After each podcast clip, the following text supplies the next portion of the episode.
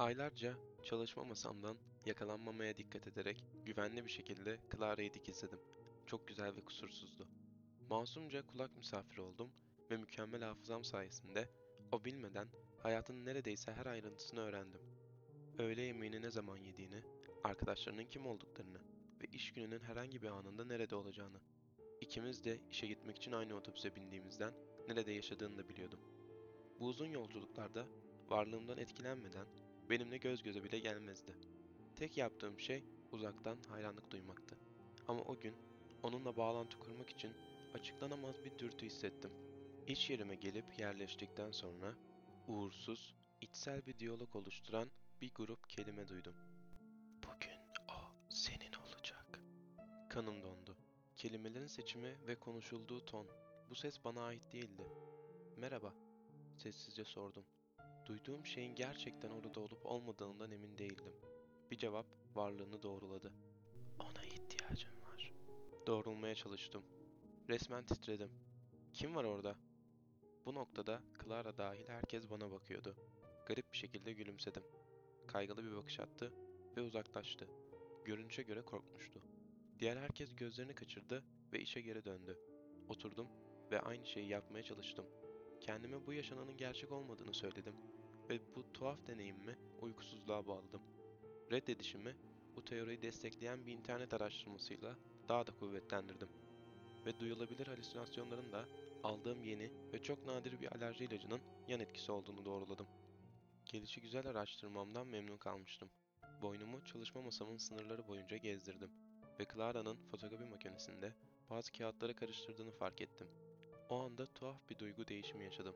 Sonucu ne olursa olsun aramızdaki mesafeye artık katlanamayacağımı hissettim.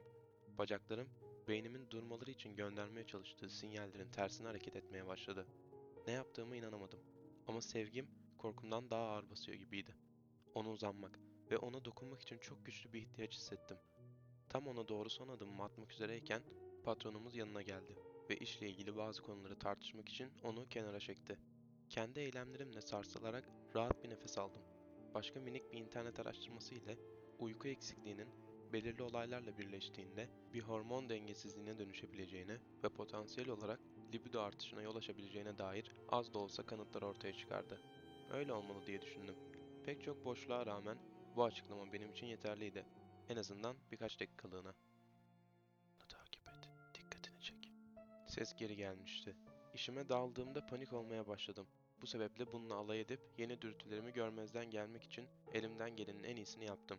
Bunu söylemek yapmaktan daha kolaydı. Özellikle de Clara'nın bazı dosyalar almak için çalışma masamın yanından ne kadar sık yürüdüğü göz önüne alındığında. Bir noktada yanından geçerken neredeyse bacağını tutuyordum. Kolumu diğeriyle geri çekebildim. Neyse ki fark etmemişti. Bu dürtülerimi yatıştırdım ve her zamanki gibi işe koyuldum. Aynı zamanda işe gitmemize rağmen Clara son otobüse yetişmek için her zaman benden tam bir saat önce ayrılırdı. Projelerim gecikirdi. Bu yüzden genellikle son derece istekli bir iş arkadaşımın beni eve getirmesini isterdim. Ancak o gün kışın ortasıydı ve bir fırtına geliyordu. Personelin çoğu fırtınaya yakalanmamak için erkenden ayrıldı. Ben de aynısını yapıp akıllıca davranırdım ama aklımı Clara'dan uzak tutan tek şey işime odaklanmaktı ve bu da ayrıca bedensiz iç sesimi uzak tutuyordu. Kapanış zamanı beklediğimden daha hızlı geldi. Bul onu. Asansörde dona kaldım. Lütfen sadece beni yalnız bırak. Yalvardım. Ses de talebini bu sefer daha yüksek sesle tekrarladı. Bul onu. Hayır diye bağırdım ama yine de korkuyordum. Ses nazikçe cevap verdi. O zaman acı çek. Birdenbire nefes almayı bıraktım. İçimdeki oksijen dağılırken göğsümün çökmeye başladığını hissettim. Cebimdeki telefona uzanıp yardım çağırmadan yere düştüm. Başladığı gibi bir anda sona erdi ve hava bir kez daha ciğerlerimi doldurdu. İtaat et. Bu uyarı beni korkutmaya yetti. Bu noktadan sonra sesin komutlarına teslim olmaktan başka seçeneğim yoktu. Bir şekilde, nasıl olursa olsun Clara'ya gitmem gerekiyordu. Telefonumu çıkardım. Beklendiği gibi telefon çekmiyordu. Yaklaşan hava nedeniyle operatörler kısıtlanmıştı. Mükemmel. Üzerimde beni sıcak tutacak uzun kollu bir şey olmadan binadan çıktıktan sonra otobüsümüzün ilerlediği rotayı takip ederek Clara'nın evine doğru yola koyuldum. Ona yürüyerek ulaşmam yaklaşık 4 saatim alırdı. Bunu bilerek ona ulaşmam için harcayacağım süreyi en aza indirme umuduyla uzun ve sağlam adımlar attım. Bu şekilde ana caddede yürürken yaklaşan kar fırtınası nedeniyle geceye kapanan birçok iş yeri olduğunu fark ettim. Bu dükkanlardan biri yerel çiçekçiydi. Bir hediye al.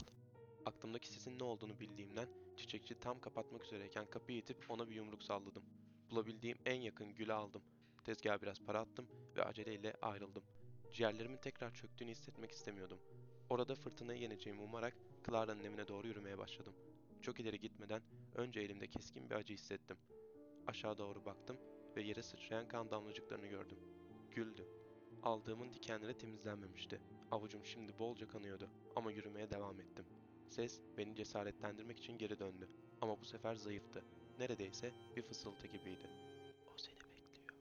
Sert rüzgarlarda yürüdüm. Hiç tereddüt etmedim. Fırtına yaklaşıyordu. Yolun yarısına kar hissettim. Hızlıca ve sabit bir hızla düşmeye başladı. Önümü görmek neredeyse imkansız hale geldi. Biraz soluklanmak için kıpırdamadan durdum. Ama fısıldayan başka bir teşvik beni devam ettirdi. Devam et. Çıplak yüzümde karın acısını hissederek yola koyuldum. Yaklaşık bir saat sonra kolumda bir iz oluştu. Siyaha dönmeye başlamıştı. Sanırım bu donma başlangıcıydı. Zaman geçtikçe daha da koyulaştı. Sadece cildimin geri kalanında siyah döndüğünü varsayabiliyordum. Endişeliydim.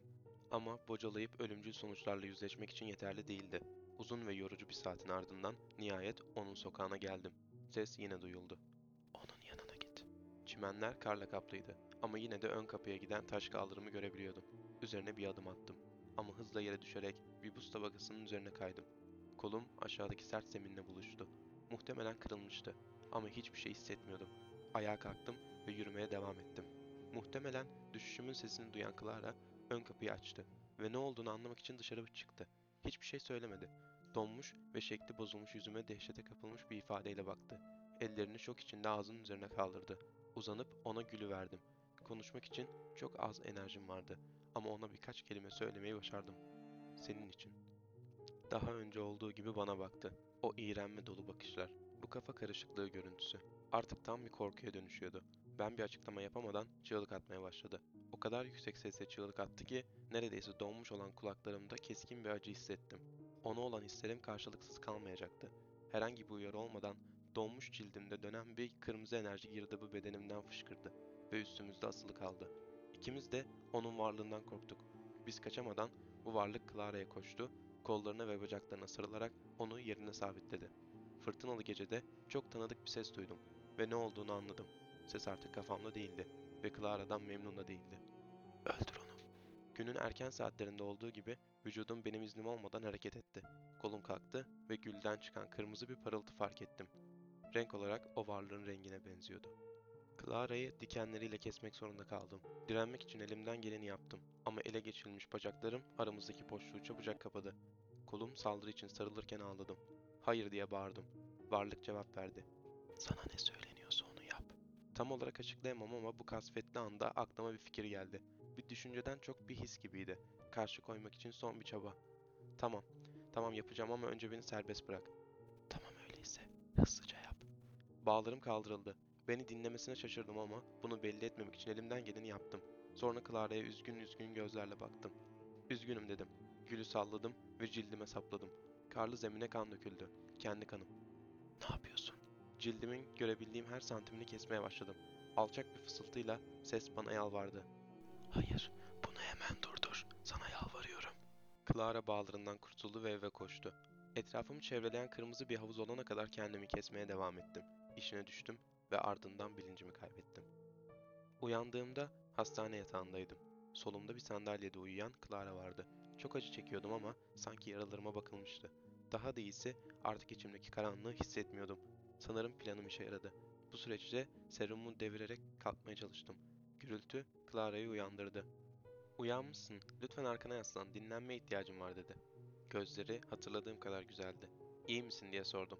İyiyim, sadece biraz yıprandım ve kafam biraz karışık, hepsi bu. Serumu aldı ve bana bir bardak su uzattı. O şey neydi? Nasıl durdurulacağını nasıl bildin diye sordu. Tüm detayları hatırlamak için bir saniye üzerine düşünmek zorunda kaldım. Bilmiyorum, farkına vardığım tuhaf bir duyguydu. Bir şekilde damarlarıma bağlıymış gibi hissettim. Bir çeşit kan iblisi gibi. Kanım olmadan hayatta kalamazdı. Bana sessizce baktı. Muhtemelen deli olduğumu düşünüyorsun değil mi dedim. Bana göz alıcı bir gülümsemeyle baktı. Ben de oradaydım. Onu duydum. Hatta gördüm. Eğer sen deliysen ikimiz de deliyiz. Güldük. Günün geri kalanı güzeldi.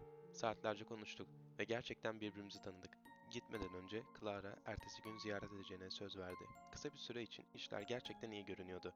Ama sonra yanılsamayı paramparça eden tanıdık bir ses patladı. Senin olacağını söylemiştim.